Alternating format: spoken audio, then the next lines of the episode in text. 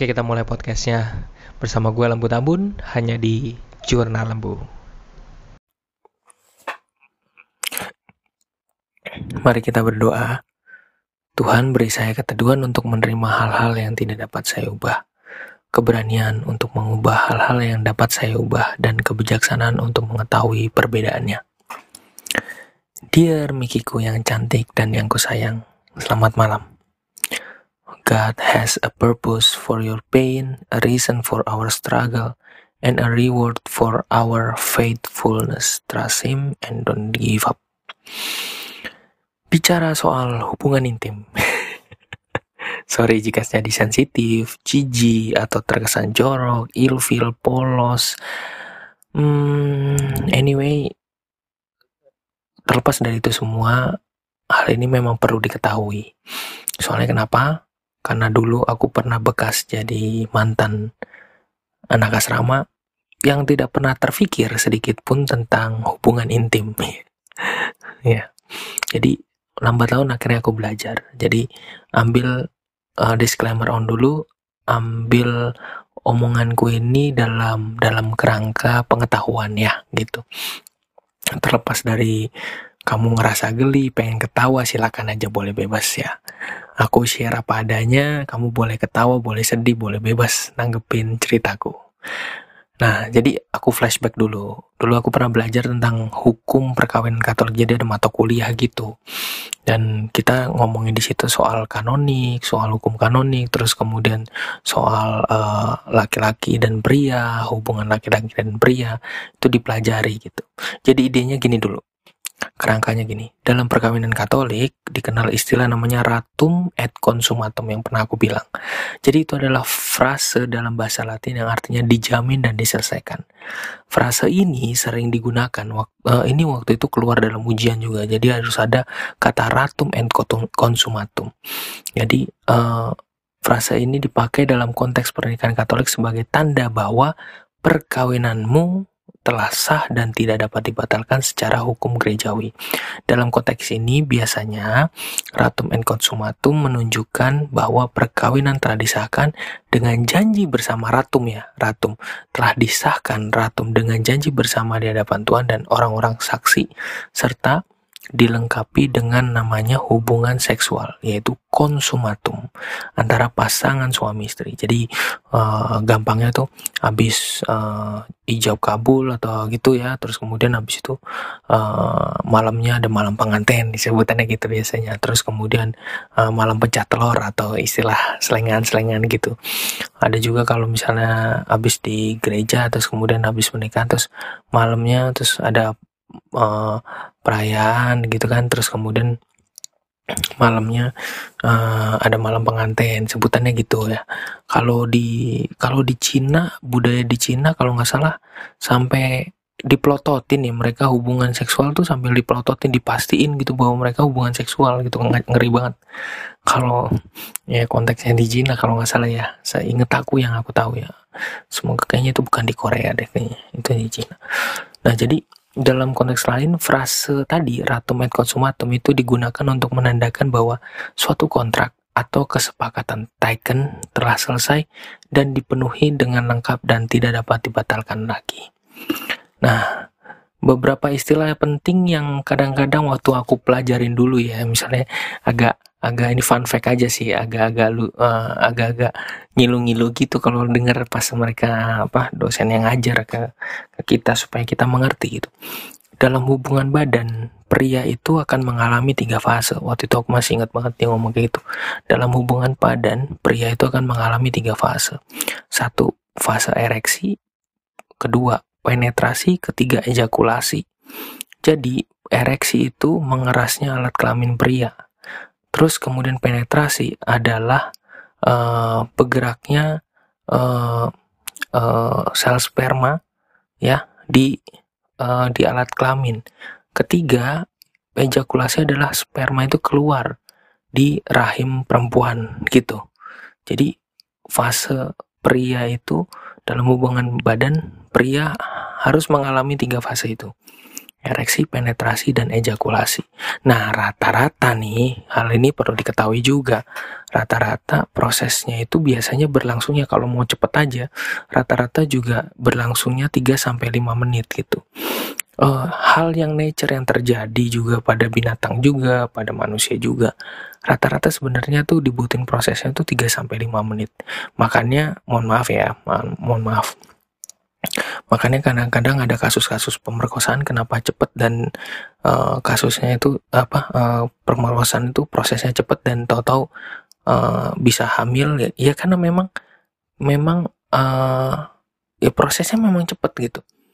Ya itu nggak membutuhkan waktu lama. Ya jadi itu ada uh, si perempuannya siap cowoknya juga udah siap gitu. Kan kita lihat ya kasus-kasus pemerkosaan. Makanya makanya uh, selalu hati-hati nih buat kita juga. Oh uh, hati-hati kita bisa jaga diri aja sih gitu.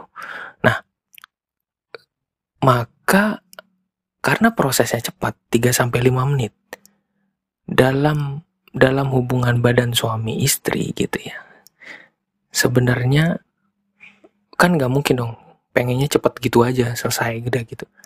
Nah agar memperlambat proses ejakulasi tadi memperlambat ejakulasi tadi, sebaiknya pasangan itu mencari cara atau mempelajari cara variasi-variasi yang cocok bagi pasangan agar tidak cepat selesai. Karena kalau cepat selesai itu bisa menimbulkan emosi biasanya sih kepada perempuannya biasanya gitu. Ya. Oke. Okay. Aku kasih contoh kasus. Aku share ke kamu karena kamu orang yang deket buat aku gitu. Dan semoga kalau aku cerita ini kamu tidak berubah sikap apa pun ke, ke aku gitu.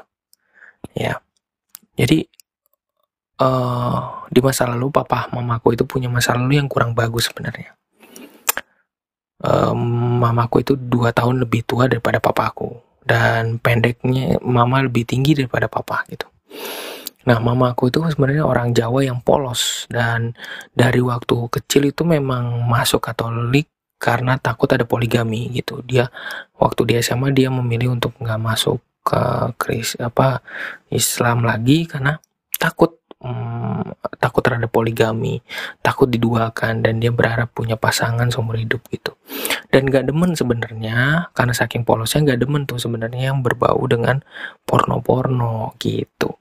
Gak, nggak obsesif juga. Terus kemudian hal ini ternyata berkebalikan dengan ayah yang ternyata apa-apa aku itu libidonya tuh tinggi banget gitu punya keinginan hasrat yang luar biasa cuman kita nggak pernah tahu bagaimana papaku tuh kalau ngelampiasin di luar sana gitu nggak tahu.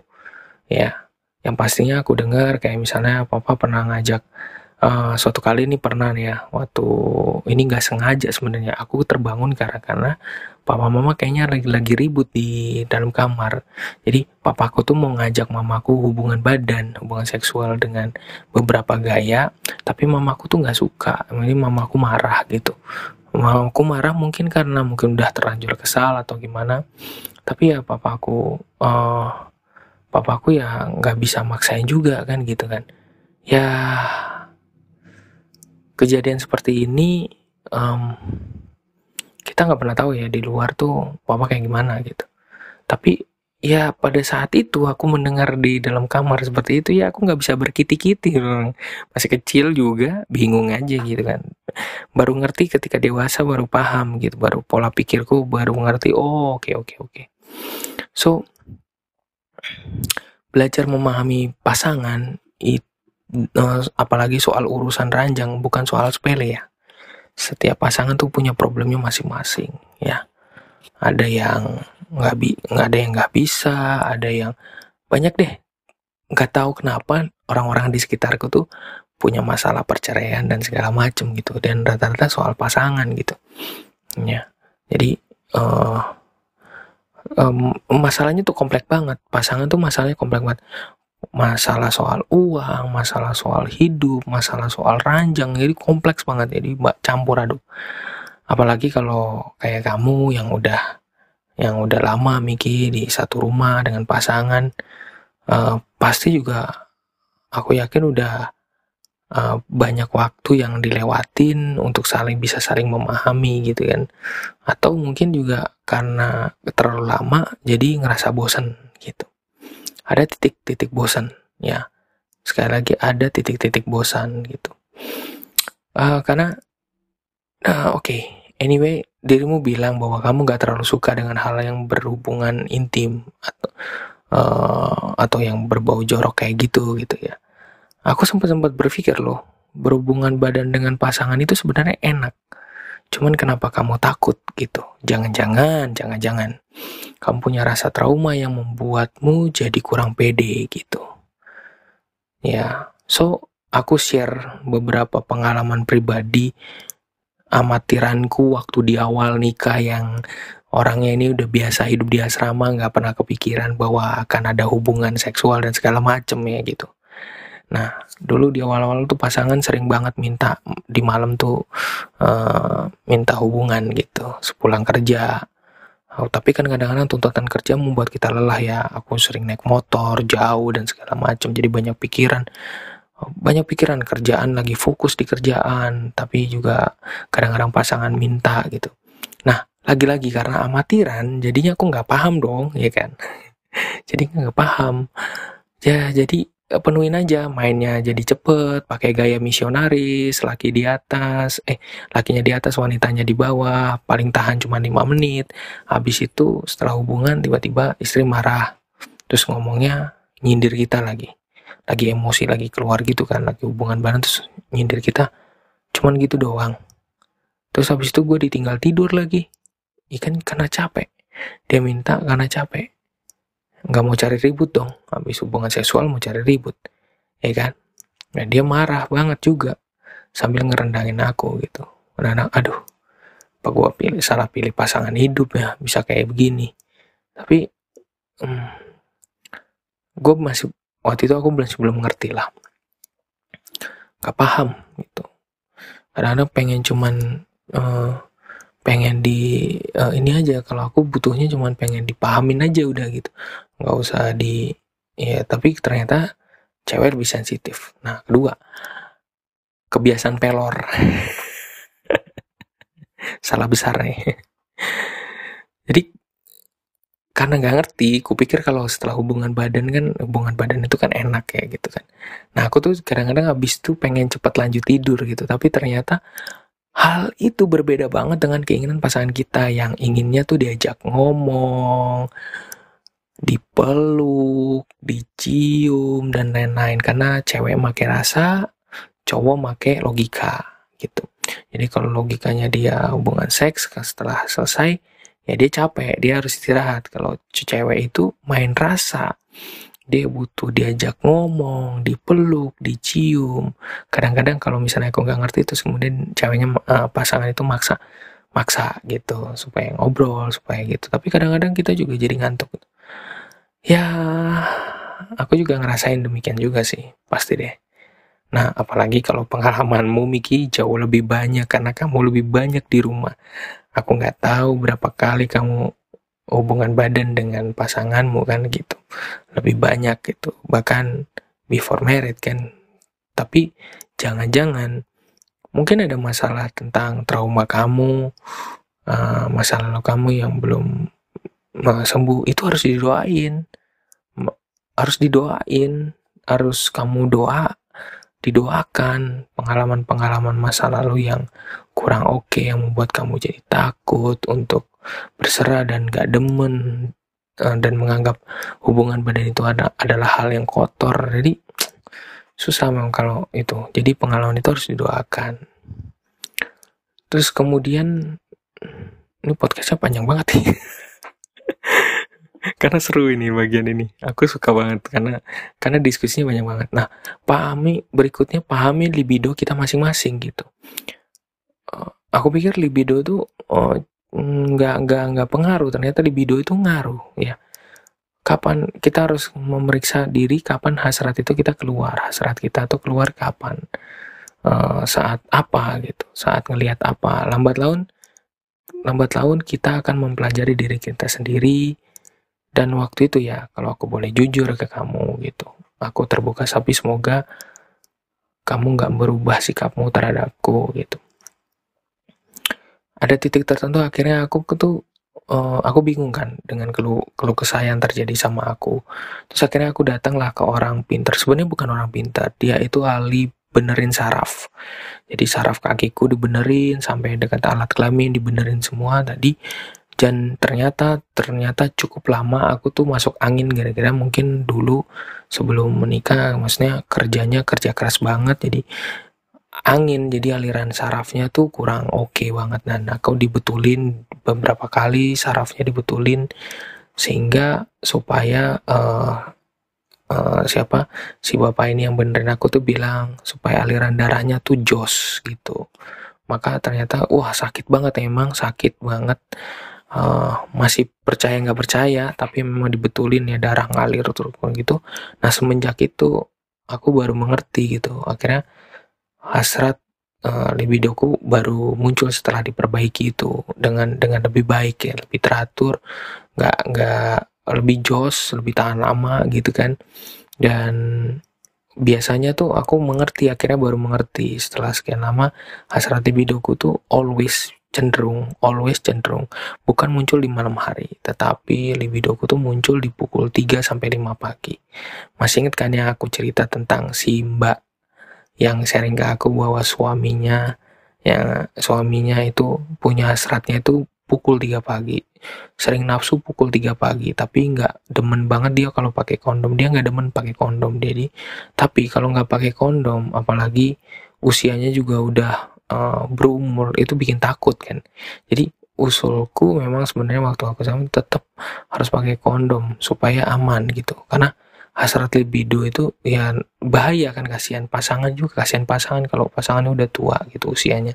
Takut ada apa-apa juga ya nanti bahaya. Maka biasanya uh, kalau kalau aku ya kalau aku biasanya kalau aku biasanya supaya nggak cepet selesai gitu nggak cepet selesai permainannya biasanya kalau ada foreplay ada ada ada foreplay after play gitu ya terus kemudian uh, supaya nggak cepet-cepet selesai um, supaya aku juga nggak cepet uh, tadi supaya cepet nggak cepet ejakulasi maka harus aku punya strategi karena aku bahaya. Soalnya kalau udah cepet ejakulasi nanti uh, ceweknya juga belum orgasme sayangkan susah kan gitu jadi kita harus puasin dia dia dulu pasangan harus dipuasin dulu supaya orgasme dulu gitu jadi kalau kamu berarti kamu harus minta dipuasin dulu orgasmenya. Nah, itu harus ada caranya gitu. Kalau aku ya, ini kalau aku, aku biasanya muasin dulu pasangan dulu di daerah G-spotnya. Cari aja di internet apa itu G-spot. Nah, itu ada di dalam kelamin wanita ada G-spotnya. Jadi nggak nggak ujuk-ujuk. Aku tuh langsung pengen nah, uh, pengen langsung uh, selesai nafsuku gitu enggak tapi dipuasin dulu perempuannya. Terus kemudian kedua biasanya pasangan kita disuruh aku suruh biasanya naik dulu di atasku gitu. Jadi supaya dia orgasme duluan gitu. Nah orgasme. Karena kalau aku yang play duluan orgasmenya nanti selesai akhirnya capek dan dia jadi berantem lagi gitu. Jadi biarin di kita bantu dia kita bantu pasangan harapannya pasangan membantu kamu supaya mencapai orgasme itu gitu. Karena pada saat biasanya pada saat orgasme biasanya payudara perempuan itu kencang dan itu alamiah banget waktu itu aku juga pelajarin kayak gitu. Nah barulah kalau dia udah puas biasanya gitu nah baru aku nyusul biar aku aja yang terakhir yang ngalamin orgasme. Kadang-kadang juga aku nggak ngalamin orgasme gitu. Kenapa? Yang penting buatku adalah perempuannya dulu gitu. Jadi aku lebih mengalah gitu. Tapi sih biasanya kalau perempuannya udah orgasme lakinya juga akunya juga ikut orgasme biasanya gitu. Jadi orgasme itu adalah tingkat tertinggi kepuasan lah. Apa ya orgasme? Istilahnya apa sih ya e, takut salah ngomong sih sebenarnya kamu cari aja tuh arti arti orgasme ya uh, sebentar kamu di internet tuh sebentar aku sambil buka. Ini karena sifatnya biologis banget. Ah, tegangan intens. Nah, orgasme itu adalah kondisi saat seseorang mencapai kenikmatan puncak seksual atau atau perasaan kuat atas kenikmatan fisik dan sensasi gitu. Uh, atau juga tegangan intens pada tubuh diikuti dengan pelepasan energi yang menghasilkan sensasi pada area tubuh. Nah, itu dia. Jadi gitu. Jadi uh, kadang-kadang aku mikir gitu oh pantas ya kalau film-film tentang terkait dengan misalnya ada gigolo gitu jangan-jangan gigolo memang tujuannya memang untuk melampiaskan mengeluarkan libidonya uh, apa orgasmenya wanita gitu ya wanita tapi yang bikin beda adalah kalau dengan pasangan itu memuaskan hasrat jadi dan ada cinta di situ kalau kalau gigolo kan nggak perlu ada cinta dan nggak perlu ada baper gitu. Jadi setiap orang tuh libidonya berbeda-beda ya bun ya, nggak pernah sama. Jadi kenali baik-baik. Libido laki-laki itu biasanya, fun fact aja nih, libido laki-laki biasanya bangkit kalau lagi mandi bareng, bobo bareng gitu, atau berdua doang gitu. Jadi semoga bermanfaat. Dan semoga bermanfaat dan mohon maaf kalau ini agak soal berbau hubungan relasi. Iya. Jangan ragu kalau mau tanya agar tidak ada ketakutan dalam diri. Selamat malam.